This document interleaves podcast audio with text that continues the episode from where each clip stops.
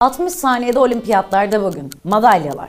Bir olimpiyat madalyanız olsa ve satsanız sizce değeri en fazla ne kadar eder? Tarihin en büyük atletlerinden Jesse Owens'a 1936'da verilen altın madalyanın 2013'te yapılan açık arttırmada yaklaşık 1,5 milyon dolara satıldığını söylesem. Tabi geçmişte madalyalar her zaman bu kadar para etmiyordu. Antik Yunan'da birincilerin başına zeytin takılırken ikinci ve üçüncülere hiçbir şey verilmezdi. İlk modern oyunların birincileri sadece gümüş madalya almakla yetinmişti. 1904'ten bu yana da birinciliği kazanan sporculara altın, ikincilere gümüş, üçüncülere de bronz madalya takdim ediliyor. Bu madalyaların bir yüzünde elinde zafer çelengi tutan zafer tanrıçası Nike'nin kabartması var. Arka yüzünde ise olimpiyatı düzenleyen ülkenin amblemi bulunuyor. Standartlara göre madalyalar 1964'te minimum 60 mm çapında ve 3 mm kalınlığındaydı. Ama zamanla bu boyutlar da büyüdü. Saf gümüşün üstündeki o altın kaplamaya manevi olarak paha biçilemese de altın madalya maddi olarak ağırlığı ölçüsünde 800 dolar ediyor.